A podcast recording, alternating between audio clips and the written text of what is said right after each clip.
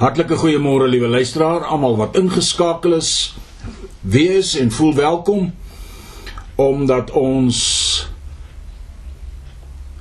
die naam van die Here groot maak en dat ons sy naam kan vereer. Ook in hierdie môre deur die woord van die Here aan u te bedien. Kom ons bid saam.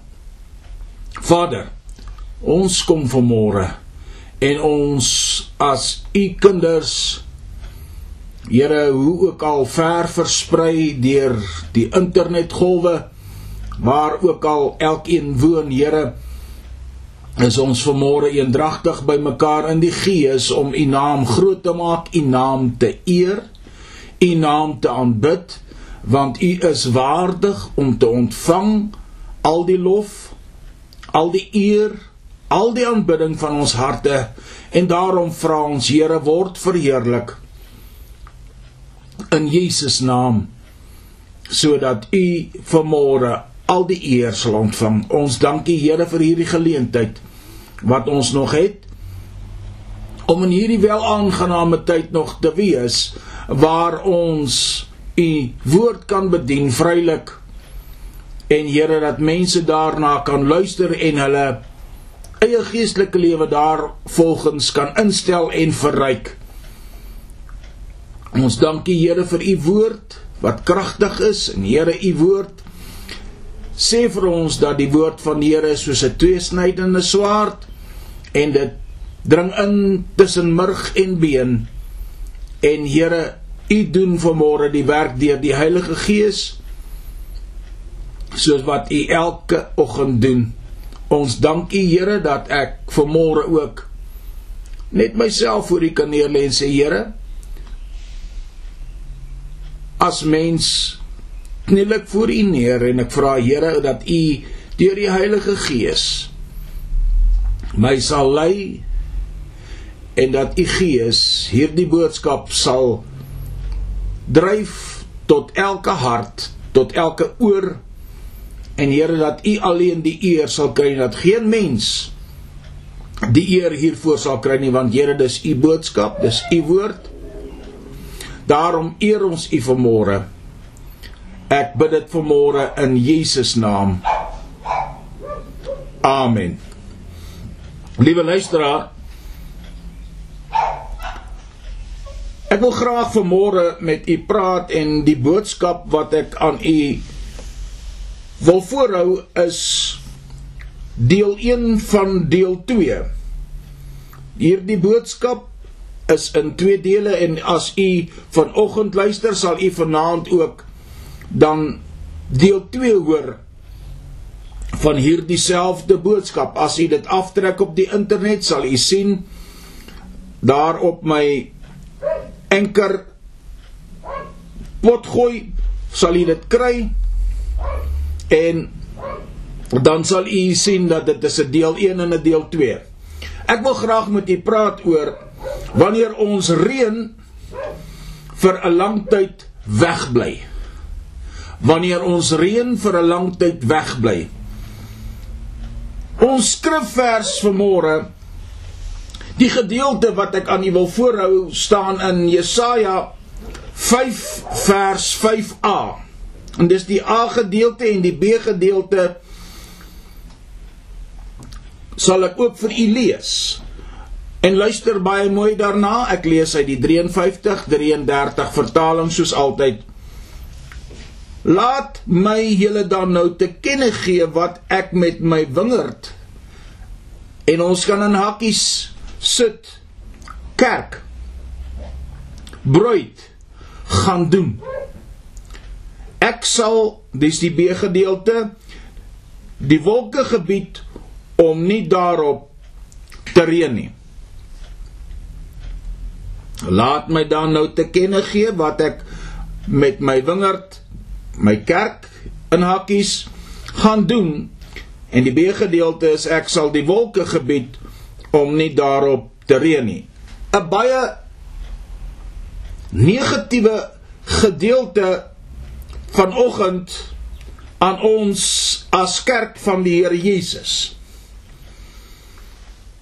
En soos jy almal weet, in Suid-Afrika het ons die afgelope aantal jare op baie gebiede in ons land uiterste droë toestande gehad, droogtes waarin mens en dier baie swaar gekry het en baie diere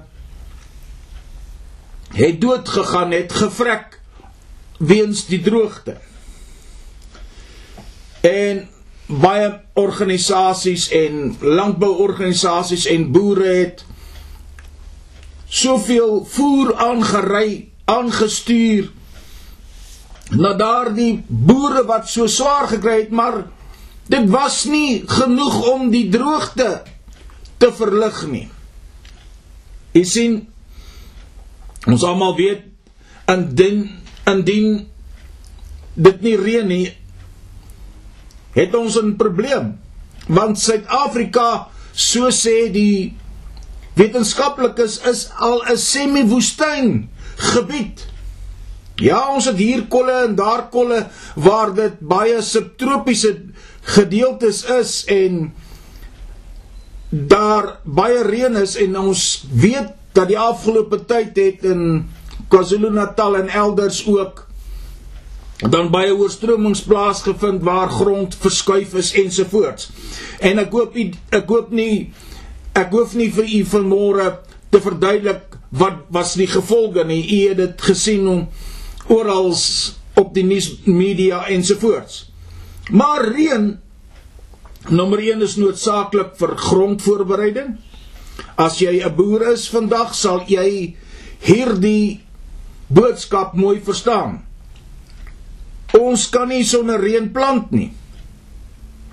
Ons kan nie groente, vrugte of wat ook al verbou sonder reën nie. Want reën is die natuurlikste vorm van water wat daar is. En indien dit nie reën nie, en jou seisoen gaan verby en draai. As jy in 'n somerreënvalstreek is en dit reën in die somer en dit reën nie genoeg nie het jy 'n probleem. Want wanneer die winter aankom en daar geen reën is nie is daar veronderstel om genoeg gras en wat ook al te wees sodat jy jou diere kan versorg. Want ons weet droogtes veroorsaak dat riviere opdroog. Damme droog op. Die plante groei gaan dood. Die diere vrek.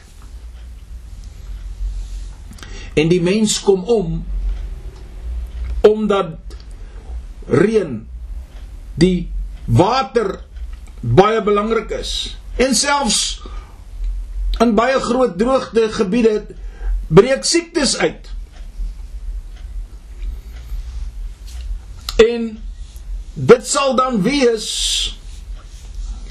asof 'n oordeel van die Here hierdie gebied of gebiede getref het. Jy moet mooi verstaan. Wanneer ons kyk na die geestelike gedeelte van ons as mens Wanneer ons geen Heilige Gees reën ontvang nie. Wanneer die Heilige Gees nie werkend en uitstortend in gemeentes voortgaan nie dan is daar soos met die letterlike droogtes wanneer daar nie reën is nie ook konsekwensies wat dit vir die kerk van die Here Jesus inhou Heilige Gees reën is nodig vir die kerk. Want u sien dit verteenwoordig nommer 1 die krag in die woord die werkinge van die Heilige Gees en sy kragte wat daarmee gepaard gaan. Ek kan vir u vanoggend net sê. En uitdaag en sê gaan stap daar waar u woon by menig aanbiddingsdienste in waar u ook al mag woon. Vanmôre en u sal dit er, ervaar. Is die Heilige Gees reën teenwoordig in daardie spesifieke gemeente of gemeentes waar u u self bevind. U weet wanneer die salwing van die Here van die Heilige Gees nie meer teenwoordig is nie dan is dit ook die betekening dat die Here nie meer sy kerk besoek nie. Ons vind dat in Deuteronomium die 6ste hoofstuk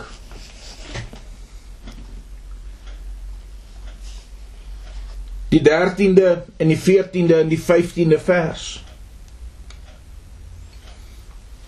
Hoor wat sê die Here by monde van sy knegg Moses aan die volk Israel. En dalk gaan u vra maar hoekom lees u hierdie gedeelte Prediker dan gaan ek vir u sê ek en u is deur die geloof kinders van Abraham. Dit maak ons ook geestelike Israeliete. Hoor wat sê die Here hier in vers 13. Jy moet die Here jou God vrees en hom dien. En by sy naam moet jy sweer. Jy mag nie agter ander gode aanloop uit die gode van die volke wat rondom julle is nie. Want die Here jou God is 'n jaloerse God by jou sodat die toorn van die Here jou God nie teen jou ontvlam en hy jou van die aarde verdelg nie Hoe verdelg hy die mens van die aarde? Droogtes. Hoe verdelg die Here die geestelike bruid van Christus deur geestelike droogtes. Jy sien wanneer daar geestelike droogtes is, vind ons geen geloof meer in die kerk nie. En as ek praat van die kerk, praat ek nie van die gebou nie, ek praat van die mense want Paulus skryf baie mooi ek en u is die kerk. Ons is die gebou van Christus. En u sien die Heilige Gees werk deur geloof in ons harte deur die woord rema, met ander woorde lewend te maak. U sien Logos is die geskrewe woord. En wanneer die Heilige Gees dit rema lewend maak in ons, dis wanneer daar geestelike vrugte kom. Hebreërs 11 vers 6 sê die volgende: En sonder geloof is dit onmoontlik om God te behaag. Want hy wat tot God gaan, moet glo dat hy is en 'n beloner is van die wat hom soek. Kom ek lees dit vir u weer. En sonder geloof is dit onmoontlik om God te behaag, want hy wat tot God gaan, moet glo dat hy is en 'n beloner is van die wat hom soek. Wanneer die gemeente byeenkom en die Heilige Gees is bedroef sal die harte leeg word en die siel vol sonde. Niemand ervaar die teenwoordigheid van die Heilige Gees meer nie. En die Heilige Gees sal onttrek uit daardie gemeente. En daar sal 'n geestelike droogte kom in daardie gemeente. Jy sal sien byvoorbeeld dat dit die gemeente samekomste sal net 'n blote formaliteit word. Daar word niks bereik in daardie gemeente nie. Mense doen dinge metodies en volgens tradisie. En daarby sê ek nie dat tradisie sleg is nie, nee. Maar ons is maar gewoond om Sondag vir Sondag vir Sondag bymekaar te kom, maar die Heilige Gees se werkinge word nie ervaar in die kerk nie. Gebed word 'n formaliteit. Daar is geen krag in gebed nie. Geen genesing nie. Vra vir jouself, wanneer laas het jy 'n genesing gesien in die kerk? Daar's geen verlossing van mense uit slawerny van sonde nie. Daar vind geen vergifnis plaas nie. Die duiwels sidder nie meer nie. Want u sien wanneer die Heilige Gees se werking ten volle aangeskakel is as ware in die kerk en die Heilige Gees word uitgestort in 'n kerk en in 'n gemeente dan sal die duiwel sidder en bewe want die Here se gees is daar teenwoordig en waar die gees van die Here is daar kan die duiwels nie opereer nie. Wanneer daar lofsange gesing word dankoffers gebring word die aanbidding niemand kom by die allerheiligste deel by God uit nie. Want u sien ons is almal hier op voetsool vlak. Daar is niemand wat meer deurdring soos wat dit in die Ou Testament die tabernakel gemaak was met die tent van samekoms en dan die heiligste heilige en die allerheiligste deel waar God se gees geheers het nie. En omdat Jesus gekom het en hy as hoëpriester ingestap het en die werke van die vyand verbreek het en die voorhangsel van die tempel geskeur het het hy vir ons die weg gebaan na die allerheiligste gedeelte van aanbidding waarin ons in sy naam en deur hom tot God kan nader. Daarom sê hy baie mooi in Johannes 14 vers 6. Ag Wat sê en wat sê ek is die weg, die waarheid en die lewe. Niemand kom na die Vader behalwe deur my nie. So met ander woorde, wanneer die Heilige Gees van God nie meer tenwoordig is in 'n diens nie, in 'n gemeente nie, in 'n samekoms nie, dan is dit maar net weer nog 'n samekoms. Wanneer predikers spreek en daar's geen resultate meer nie, geen Heilige Gees salwing wat in die harte kan oortuig en hulle kan oortuig van sonde en ongeregtigheid nie. Daar is geen berou nie, daar is geen belydenis nie, daar is geen geestelike groei wat bevorder kan word deur die Heilige Gees nie, want daar is 'n geestelike droogte. Hoekom gebeur dit? Jy sien die Heilige Gees reën wat lewe moes voorbring bring nou oordeel en die dood. Want dit kom ons uit die woord van God. En u kan dalk vir my sê, "Meneer prediker, kom ek lees vir u uit Deuteronomium 7 vers 9. Hoor nou baie mooi. Jy moet dan weet dat die Here jou God God is. Die getuie getroue God, skus, wat die verbond en die goedertierenheid hou vir die wat hom liefhet en sy gebooie onderhou, luister baie mooi, in duisend geslagte. Ek weet nie in hoeveel geslagte ons nou is nie, maar ons is glad nie by duisend geslagte nie en God is getrou en sal sy woord gestand doen ook in hierdie oggend.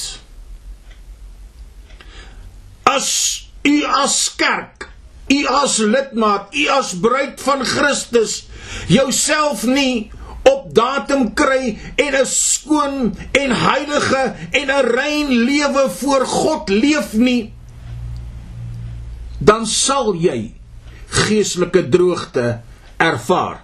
Die woord van God sê so, nie ek nie. Dawid het die absolute belangrikheid van die Heilige Gees in sy lewe besef. Hoor wat skryf hy in Psalm 51 vers 13.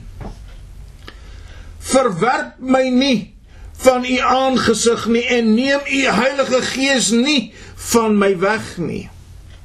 U sien, liewe luisteraar, God se wet bly en is nog steeds daar vir ons as 'n riglyn in ons geestelike vooruitgang. Kan ek dit vir jou weer herhaal? God se wet is en bly nog steeds daar vir ons as 'n riglyn in ons geestelike vooruitgang.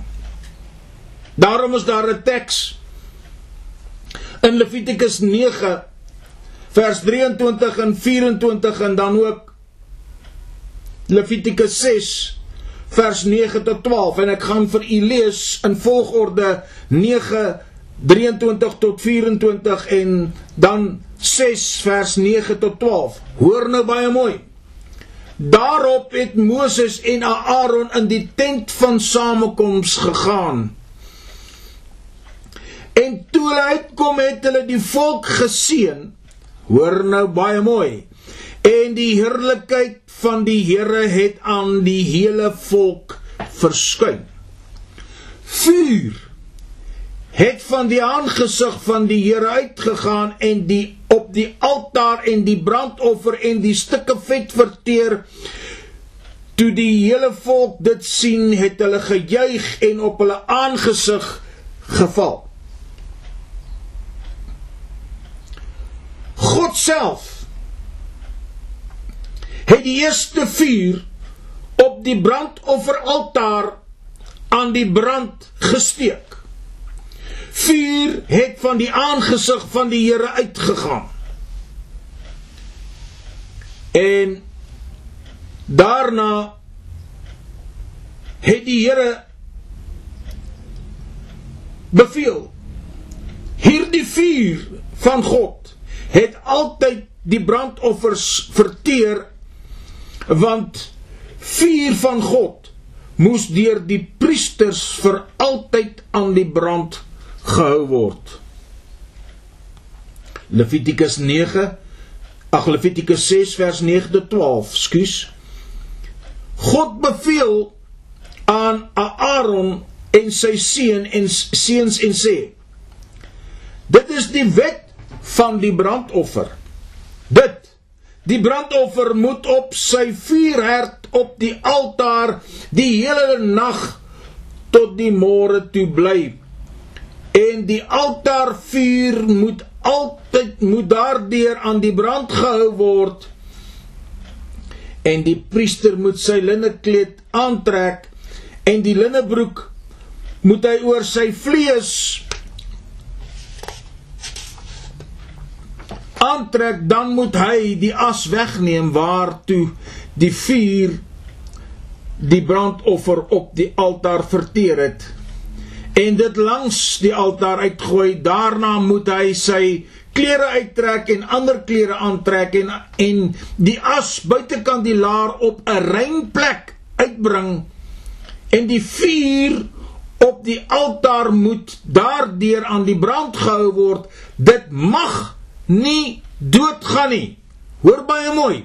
Dit mag nie doodgaan nie, maar die priester moet elke môre daaroor hout aan die brand steek en die brandoffer daaroor reg lê en die stukke vet van die dankoffers daaroor aan die brand steek. U sien, daar moes gedurig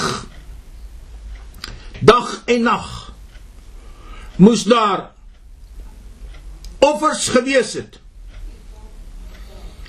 Dankoffers wat aan die Here geoffer moes word. En wanneer ons so 'n bietjie kyk, God self steek die vuur op die brandoffer altaar aan die brand. Hierdie vuur mag nooit uitbrand nie. Deur al die geslagte het die vuur gebrand totdat die Babiloniërs Israel met die ark van die Here in ballingskap geneem het toe hierdie vuur in die tempel uitgeblus het was dit ook die einde van Israel se kontak met ander woorde aanbidding met God. Jy sien daar is niks so teleurstellend soos 'n uitgebrande vuur nie. Maar daar is 'n verskil tussen 'n klein vuurtjie en 'n groot vuur. Want u sien die groot vuur kan lewe beteken hoekom sê u so? Prediker, kom ek vertel vir u 'n verhaal. 'n paartjie het met 'n uitstappie geselskap op 'n dag uitstappie in die berge rondom Palm Springs in Kalifornië gegaan en hulle het so 'n bietjie die dag gaan geniet daar op die wandelpaadjies. En die berge in Kalifornië, daar in Palm Springs is die tweede hoogste bergreeks in die VSA. Hulle het van die wandelpaadjie afgewyk op soek na die geluid van 'n waterval wat hulle gehoor het. En omdat hulle nie gesoute uitstappers uh, uitstappie uitstappers was nie, het hulle gou verdwaal en hulle moes bymekaar kom op 'n plek en hulle die afsnytyd gemis. Hulle het geen vuurtjies gehad nie en geen een het warm klere saamgebring nie want dit was 'n warm dag.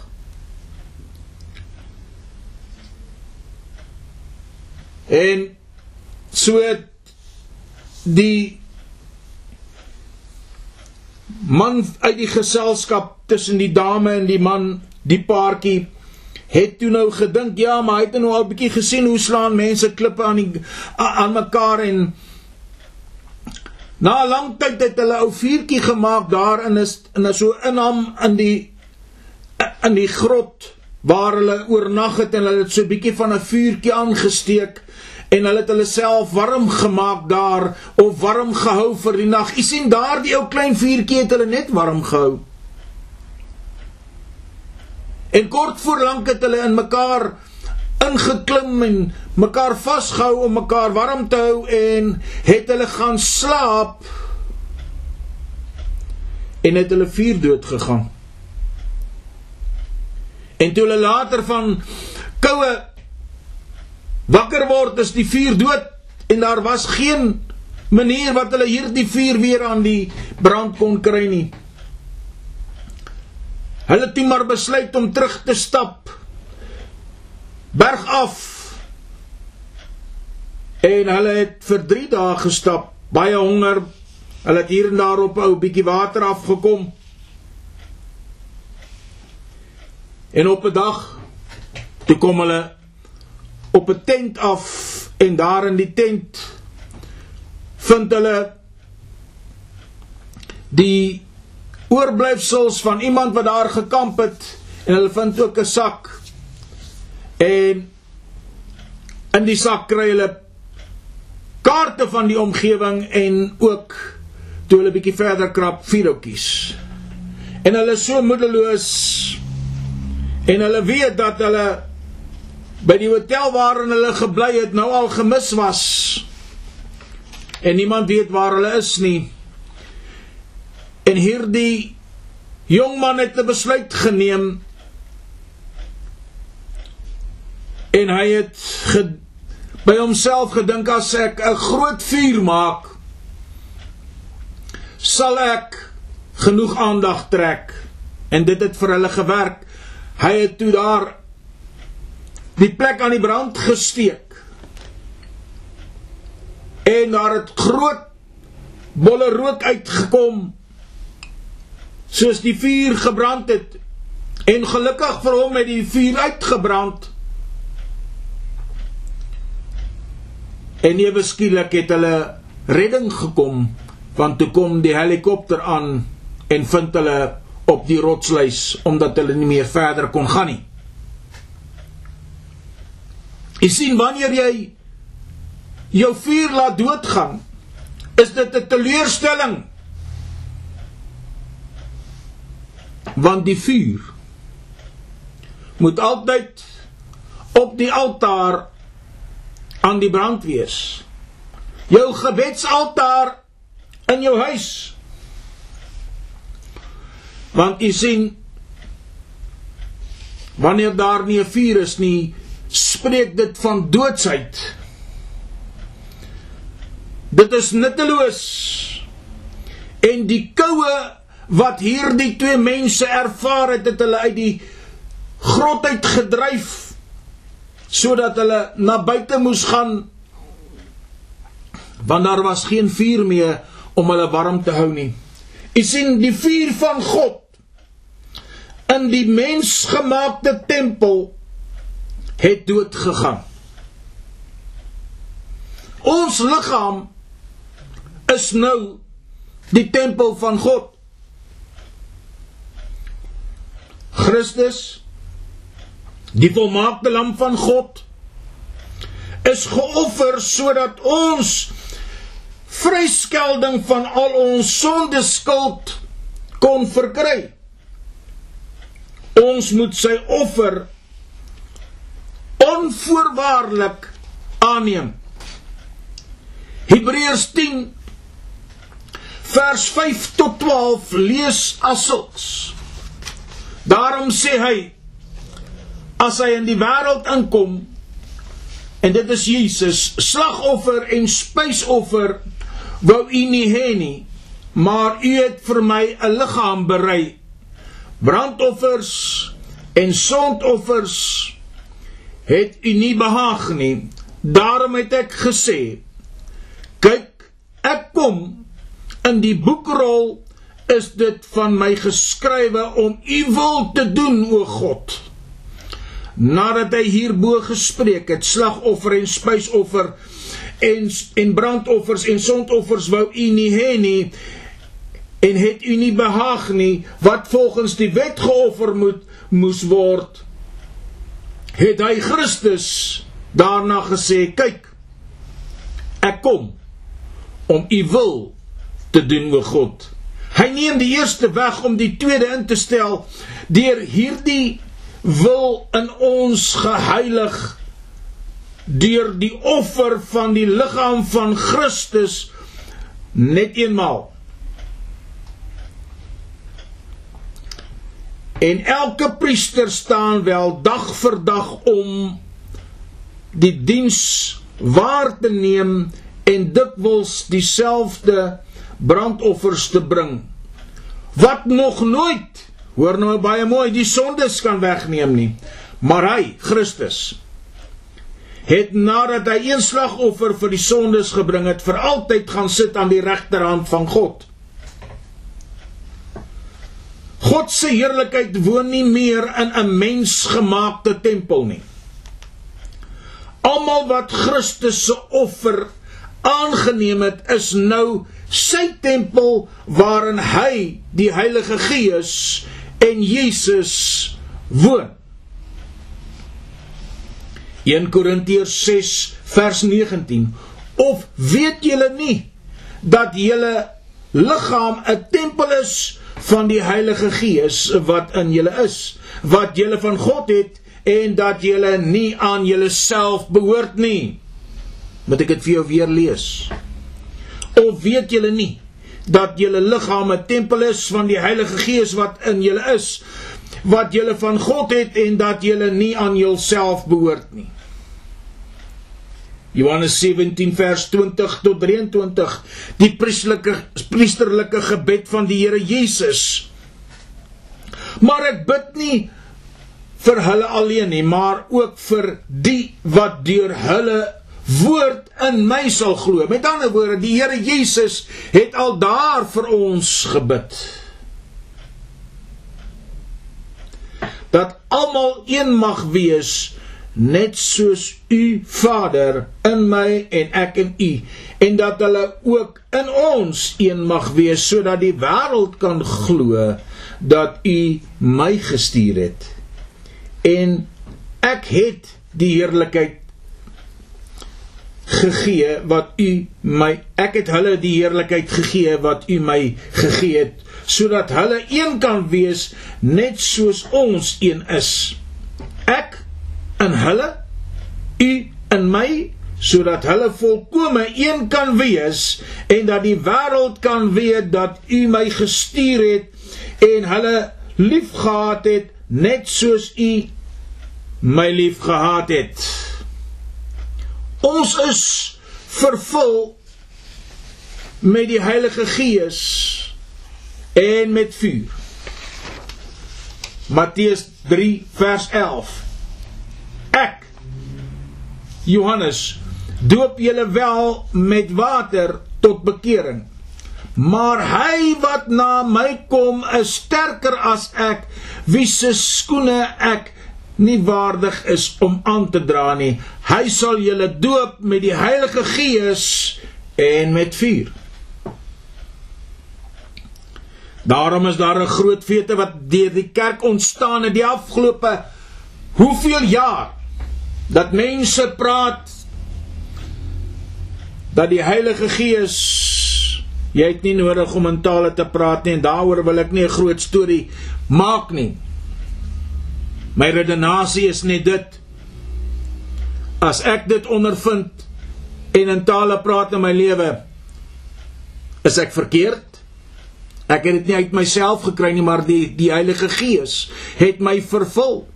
En daarom spreek ek in tale soos Paulus ook dan skrywe dat hy praat meer in tale as enige iemand anders en daarvoor dank hy die Here in 1 Korintiërs 14. Hoor baie mooi. Hierdie vuur wat die Heilige Gees op die altaar van ons hart aangesteek het, mag nie doodgaan nie. Hoe hou ek hom aan die brand, prediker? Hierdie vuur wat op ons hartsaltaar aan die brand gehou moet word is die Heilige Gees van God waarmee ek telke male hernu word want Paulus sê ek staan elke môre op en ek ondergaan 'n vernuwing in die gees van die Here. Want u sien, die ou hout het verbrand al en dit het as geword en dit is eenkant gesit en dit is uitgedra. En daar moet nuwe vuur op daardie altaar van my hart aangesteek word. Nuwe Heilige Gees vuur moet weer brand in my lewe sodat ek vir die Here bruikbaar kan wees. Alles moet op die altaar geoffer word. Levitikus 1 vers 6 tot 9. Dan moet hy die brandoffer afslag en dit in stukke verdeel en die seuns van Aaron die priester moet vuur op die altaar neersit en die hout op die vuur reg lê ook moet die seuns van Aaron die priesters die stukke die kop en die vet reg lê op die hout wat op die altaar is. Maar die binnegoed binnegoed en die pote moet hy met water was en die priester moet dit alles op die altaar aan die brandsteek as brandoffer. 'n vuuroffer van lieflike geur aan die Here. U sien die Heilige Gees self sal met ons harte deel maar die binnegoed moet hy met water was. God soek alles op jou altaar. Alles moet deur sy vuur verteer word. Jou sonde, jou ongeregtigheid, jou verdorwenheid, jou gebede, jou liefde, al jou talente, jou gawes, jou geld, jou gesin, jou kragte, jou vermoëns U sien dit alles behoort aan God. Dit behoort nie aan jouself nie. Jy en ek het niks uit onsself nie. Want God het dit vir ons gegee deur genade. En genade beteken in die Grieks onverdiende guns.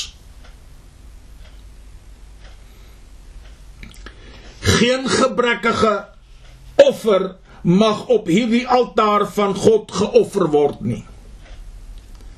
Levitikus 1 vers 3 As sy offer 'n brandoffer is van beeste, moet dit 'n bul sonder gebrek wees wat hy bring. Met ander woorde nie vermink nie, geen skeel bul nie. Nie bitter en soet nie, nie skoon en vuil nie. Hoor wat skryf Paulus in Romeine 12 vers 1 tot 2. Ek vermaan julle dan broeders by die ontferminge van God dat julle jou liggame stel as 'n lewende heilige en aan God welgevallige offer. Dit is julle redelike godsdiens. En word nie aan hierdie wêreld gelykvormig nie, maar word verander deur die vernuwing van julle gemoed sodat julle kan beproef wat die goeie en die welgevallige en volmaakte wil van God is. En word nie aan hierdie wêreld gelykvormig nie, maar word verander deur die vernuwing van julle gemoed sodat julle kan beproef wat die goeie en welgevallige en volmaakte wil van God is. Ons het mos verkleermannetjie Christene deesdae. As hy by die braai is en die manne is besig met hulle drankies en gemors wat hulle praat dan sy daar. En sondagoggend sit hy in die kerk heilig en veilig. U sien die altaar moet goed versorg word. Hierdie altaar binne my moet goed versorg word. Levitikus 6 vers 10 tot 11. En die priester moet sy linnekleed aantrek en die binnegoed en die linnegoed moet hy oor sy vlees aantrek, dan moet hy die as wegneem waartoe die vuur die brandoffer op die altaar verteer het en dit langs die altaar uitgooi. Daarna moet hy sy klere uittrek en ander klere aantrek en die as buitekant die laar op 'n rein plek uitbring. Die priester moes sorg dat die as van die brandoffer vroeg elke oggend verwyder word.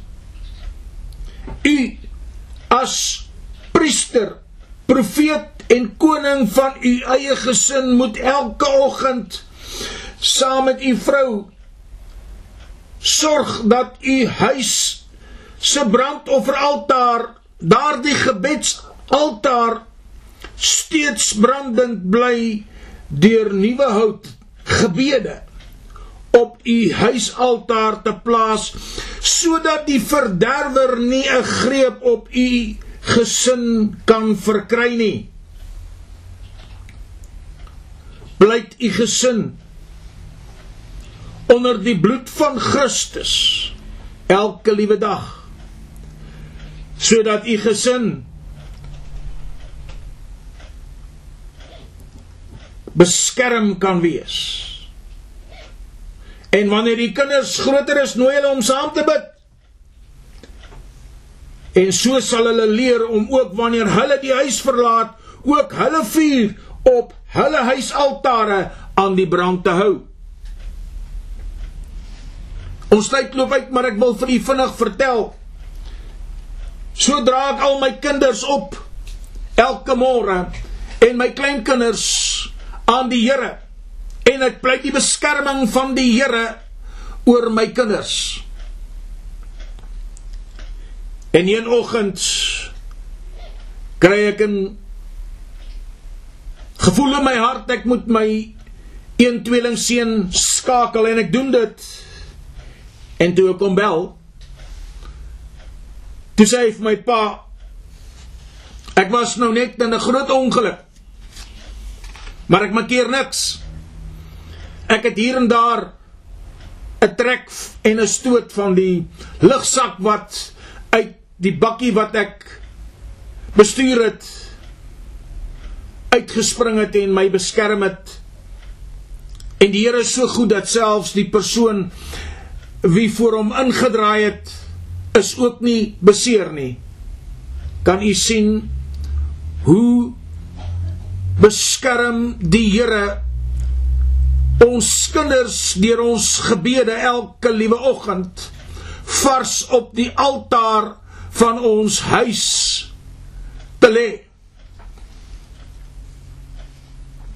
Deuteronomium 6 vers 2 en dat jy die Here jou God kan vrees om al sy insettinge en sy gebooie wat ek jou beveel te hou en jy en jou kind en jou kindskind al die dae van jou lewe en dat jou dae verleng kan word. Hoor baie mooi. Vers 3 4 5 en 7 Hoor dan Israel onderhou dit sorgvuldig dat dit met jou goed kan gaan en dat jy baie kan vermenigvuldig soos die Here die God van jou vaders jou beloof het 'n land wat oorloop van melk en honing. Hoor Israel, die Here ons God is 'n enige Here. Daarom moet jy die Here jou God lief hê met jou hele hart en met jou hele siel en met al jou krag. En hierdie woorde wat ek jou vandag beveel, moet in jou hart wees en jy moet dit jou kinders inskerp en daaroor spreek as jy in die huis sit en as jy op die pad is en as jy gaan lê en as jy opstaan. Die as van die brandofferaltaar was ook heilig aan God. Die priesters self moes dit die as verwyder. Eerstens plaas hy die as aan die ooste kant van die altaar, die verste kant van die allerheiligste plek af. Wat sou dit beteken? Hierdie as was eers hout. Dit was gebede van gister. En dit was aan God geoffer en dit bly heilig. Tweedens neem hy die as na 'n skoon plek buite die kamp en gooi dit daar. Dit is steeds heilig en dien as getuie van God se barmhartigheid. So moet u weer melding maak omtrent gister se gebede wat beantwoord is en laat dit vir u as gesin tot 'n getuienis dien. Ek is maar net 'n dienskneg van die Here. Maar wanneer my kinders 'n saak het wat hulle voor die Here wil neerlê, dan bel hulle my en sê: "Pa, dit en dit is ons probleem. Bid want ons weet as pa bid, dan antwoord die Here." En dan moet ek telke male vir hulle sê: "My seuns, luister vir my baie mooi." God hoor jou gebed dieselfde as hy wat hy my gebed be, beantwoord. Daar God het nie witbroodjies nie. Maar jy moet sorg dat jou gebedsaltaar altyd aan die brand is. Ek sluit hier af met hierdie deel 1 en so moet u vanaand die deel 2 van hierdie boodskap ook luister, skakel asseblief in of trek dit af van die internet.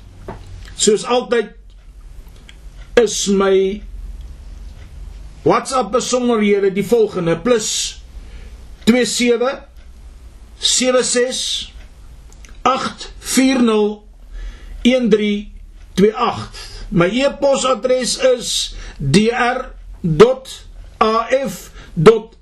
dr.af.weiers w e lang y e r s 55@gmail.com En ek wil vir u graag weer vra indien u belangstel om my bediening finansiëel te ondersteun, kontak my gerus gerus op of my WhatsApp of my e-pos en ek sal met u verder gesels.